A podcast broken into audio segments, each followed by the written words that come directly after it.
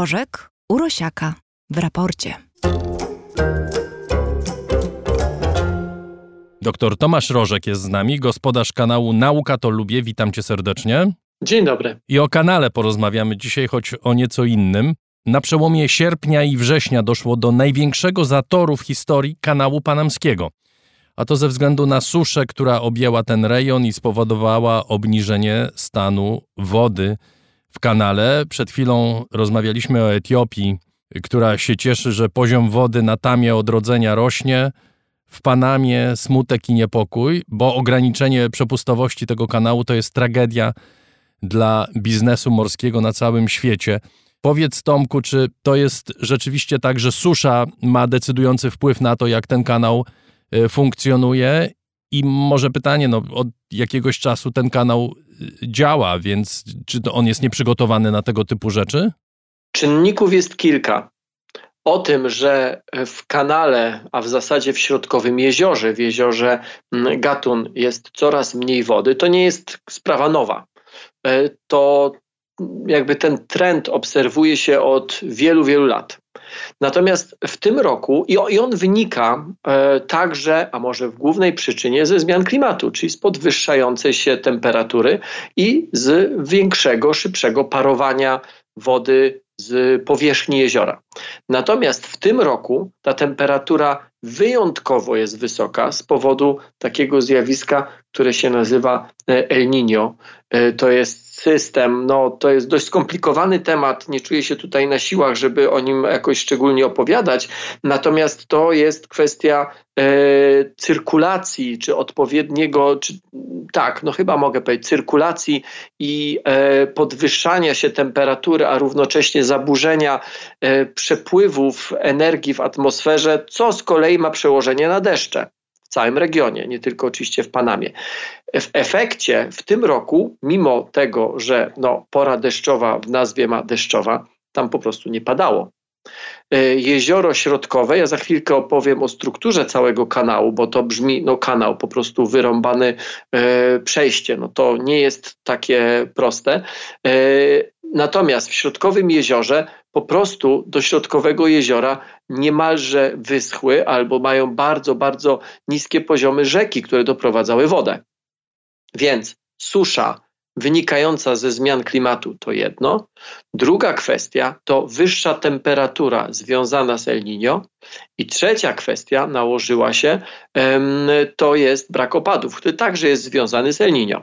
Dobrze, Tomku, zanim powiemy o samym kanale, czy to wszystko możemy wpakować do jednej torby, która się nazywa zmiany klimatyczne? Nie, nie wszystko, ale sporo. Ale sporo. Panama w ogóle jest takim krajem, e, który, mm, e, w którym jedyne co możemy zrobić, to siedzieć i czekać. Ty zadałeś pytanie, czy ten, przecież ten kanał długo działa, czy on nie jest przygotowany. No nie, nie jest przygotowany, bo niektórych rzeczy się nie da przygotować. Kanał ma 80 km długości. Najpierw płynąc z Atlantyku w kierunku Pacyfiku, najpierw trzeba statki podnieść o 30 metrów systemem trzech, o ile dobrze pamiętam, śluz, po to, żeby one mogły wpłynąć do środkowego jeziora, do jeziora Gatun. A później, jak już jesteśmy bliżej tej strony pacyficznej, z kolejnym systemem śluz, tam ich jest chyba cztery, o ile dobrze pamiętam, trzeba o tych 30 około metrów je obniżyć do poziomu Pacyfiku. Czyli oba oceany są mniej więcej na tym samym poziomie, jak rozumiem. Tak, tak. One są połączone mm, no, przejściem północnym, przejściem południowym, czyli wokół przylądka Horn. One są tak, w pierwszym przybliżeniu, tak, one są na tym samym poziomie. Ten środek wysycha, co może się wydawać na, na pierwszy rzut ucha, jak pada hasło, kanał panamski wysycha, a z drugiej strony mówimy, no poziom wody się podnosi. Czy to nie jest sprzeczność? No nie, bo podnosi się poziom wody w tych oceanach, a nie podnosi się poziom wody tam w środku. Gdyby otworzyć śluzy wszystkie, to to jezioro, które zresztą jest jeziorem, które jest zbiornikiem sztucznym, ono wyschnie całkowicie. Te śluzy tam są potrzebne, żeby trzymać tą wodę. I oczywiście im dłużej używamy tego kanału, im więcej statków przechodzi przez ten kanał, tym więcej wody z tego jeziora spływa albo do Pacyfiku, albo do Atlantyku, bo każde otwarcie śluz powoduje, że spora część tej wody, a nie mówimy przecież o żaglówkach, mówimy o gigantycznych kontenerowcach, ogromne, ogromne ilości tej wody uciekają. I normalnie jest tak, czy normalnie przez ponad 100 lat, bo kanał został otwarty w 1914 roku, przez ponad 100 lat te ubytki wynikające z otwierania śluz, one były uzupełniane przez cieki wodne, przez rzeki, które do tego dużego jeziora Gatun wpływały. Natomiast w momencie, w którym temperatura się podnosi od wielu lat, czyli jest szybsze parowanie, w tym roku jest wyjątkowo gorąco w tamtym obszarze, dlatego że mamy efekt El Niño. Po trzecie, przestało padać.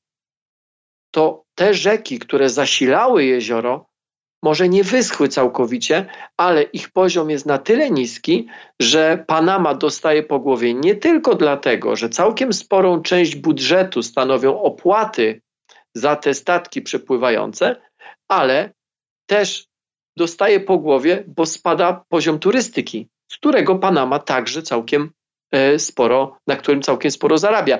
A ci turyści z danych wynika, sprawdziłem takie dane statystyczne, całkiem spore y, część, całkiem spory procent turystów przypływa, do Panamy przybywa tam, żeby zobaczyć kanał.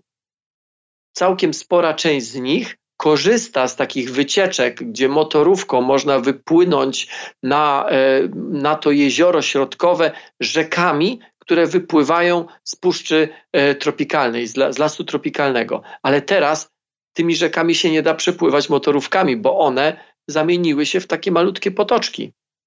I to jest problem, jak gdyby wielopoziomowy, on nie ma jednego rozwiązania, no bo pytasz, czy dałoby się jakoś na to przygotować, czy coś można z tym zrobić. No nie da się pogłębić całego jeziora o długości 80 kilometrów.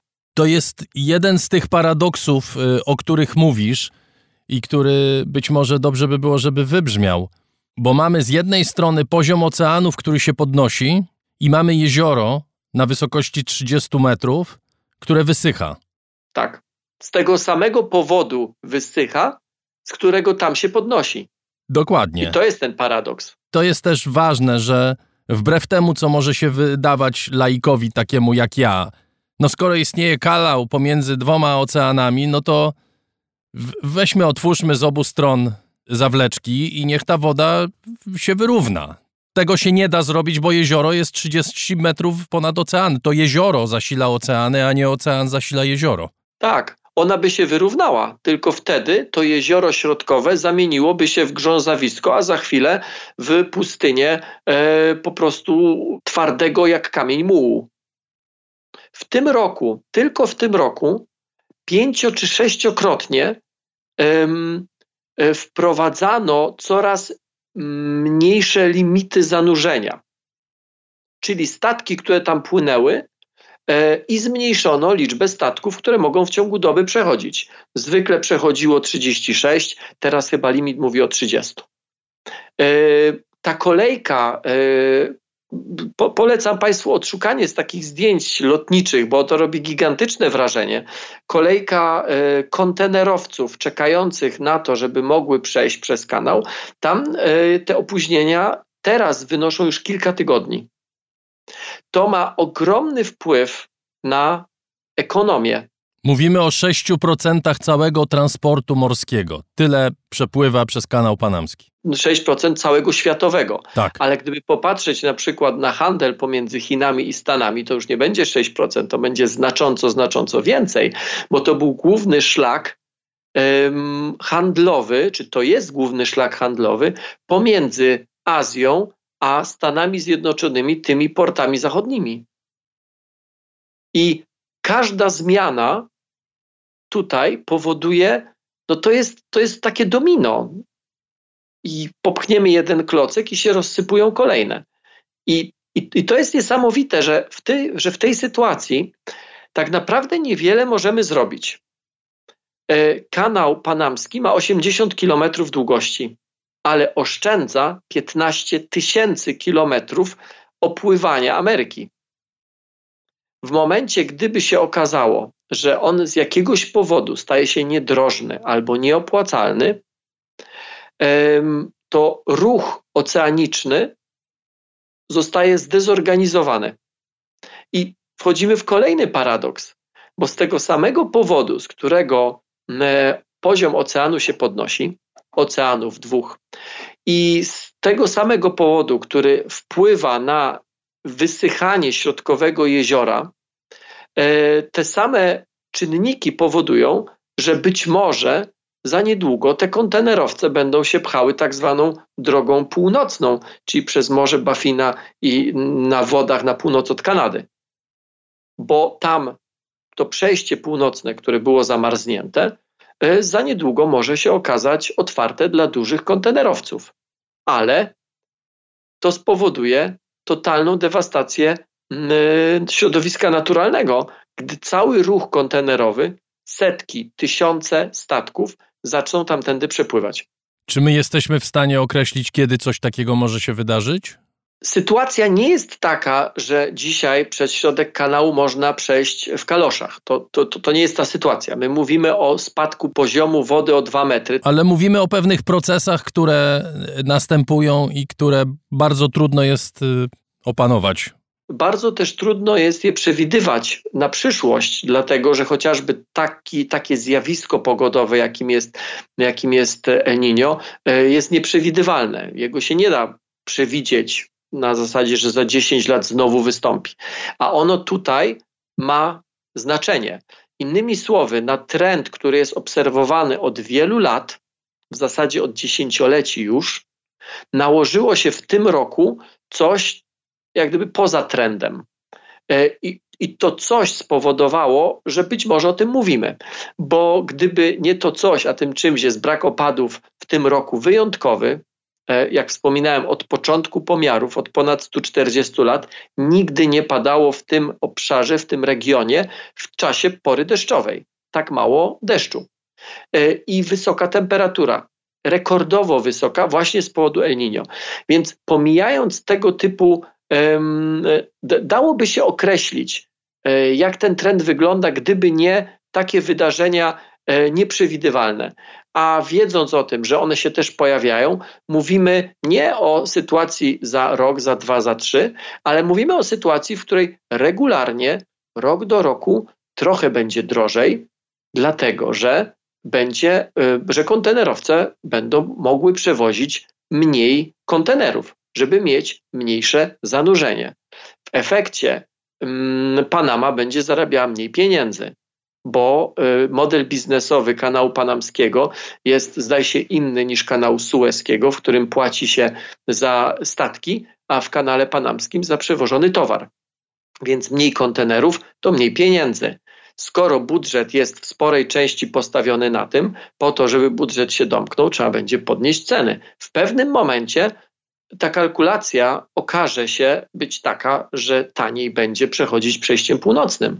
Jeszcze jedna być może ważna rzecz, bo y, pochyliłeś się nad trudną dolą turystów, którzy nie będą mogli sobie popływać motorówką po puszczy tropikalnej. To, co się dzieje i te procesy, które mają miejsce w Panamie w tej chwili i w okolicach, y, są przede wszystkim zagrożeniem dla ludzi żyjących w nadmorskich rejonach. Na wyspach panamskich żyją ludzie żyją, rdzenni mieszkańcy, którzy są regularnie zalewani, którzy są przenoszeni w suchsze miejsca i to są znowu procesy, które, tak jak mówisz, których przebieg jest nieprzewidywalny, ale dynamika jednak jest jednoznaczna. Coraz częściej do tego typu procesów dochodzi, coraz częściej do tych zalewów, do podnoszenia poziomu e, wody dochodzi i w sytuacji, w której mieszka się na wyspie, która ma 3 metry wysokości, gdzie domy są ustawione na wysokości 3 metrów, wystarczy, że przyjdzie fala dwumetrowa i, ma, i ludzie mają problem. Tak, i to nie jest problem tylko wysp e, w tamtym rejonie, ale wielu na, na Pacyfiku jest bardzo wiele takich wysp. Niektóre te wyspy czy, czy, czy grupy wysp to są, to są oddzielne państwa, których nazwy nie uczymy się w szkole nawet na geografii, bo, bo, bo, bo są tak malutkie. E, niektóre z nich po prostu przestają istnieć. I to jest paradoks i to jest cała trudność mówienia o zmianach klimatu, że one są wielopoziomowe i bardzo często mm, one wyglądają jak paradoks, bo popatrz, ty mówisz o zalewaniu wysp, o ludziach, którzy nie mają gdzie mieszkać, a równocześnie mówimy o wysychaniu w tym samym rejonie. Trzeba nieco głębiej zajrzeć, także popatrzeć na przykład na mapę, także popatrzeć na, na przekroje poprzeczne, po to, żeby zobaczyć, że no dobrze, to jest możliwe, że poziom oceanów się podnosi, a równocześnie spada poziom wody w środku, e, w jeziorze środkowym. E, to jest kanał, czy ten kanał jest główną drogą dla towarów pomiędzy Azją a Stanami Zjednoczonymi. Hasło, że przez niego przechodzi 6% światowego handlu, czy 6%, przepraszam, nie światowego handlu, tylko światowej żeglugi, to nie robi jakoś specjalnie wrażenia. Ale jeżeli zdamy sobie sprawę, że przechodzi przez niego większość towarów, które drogą morską z Azji do Stanów Zjednoczonych płyną, to już mocno zmienia. Znalazłem takie opracowanie, z którego wynika, że e, podniesienie ceny w kanale panamskim o 15% powoduje wzrost inflacji w Stanach Zjednoczonych o 0,2 punkta procentowego. I to w tym samym raporcie znalazłem informację, że zablokowanie w roku 2021, poprawnie jeśli dobrze, jeżeli się mylę, kanału sueskiego spowodowało, że inflacja w Stanach Zjednoczonych wzrosła o 2%. No tak, to już brzmi bardziej, że tak powiem, namacalnie dla przeciętnego słuchacza. Tak, i nagle się okazuje, że jakieś w sumie abstrakcyjne z naszego punktu widzenia problemy jakiegoś kraju, z którym być może niektórzy z nas mieliby w ogóle problem, żeby tak palcem tak dokładnie pokazać, gdzie ten kraj się znajduje, mają bezpośrednie przełożenie na nasze portfele, na konkretne rzeczy, które kupujemy, e, które konsumujemy. Tą drogą płyną z, do Europy płynie awokado. Może drobiazg, może luksus, ale nie tylko awokado. Natomiast to ma wszystko przełożenie na, na nasze życie. Tutaj także w Polsce, także w Europie. Na kwestie inflacji, na kwestie dostępności i ceny konkretnych towarów, a źródłem, nie jedynym czynnikiem, jeżeli mówimy o kanale panamskim, ale źródłem są zmiany klimatyczne. Podwyższanie temperatury, zmiany opadów itd. Tak itd. Tak Dziękuję Ci bardzo, Tomku. Doktor Tomasz Rożek, y, gospodarz kanału Nauka to Lubię, nasz stały współpracownik, był z nami y, w cyklu, który pojawia się i znika i pojawi się następnym razem. Bardzo Ci dziękuję. Dziękuję jeszcze raz.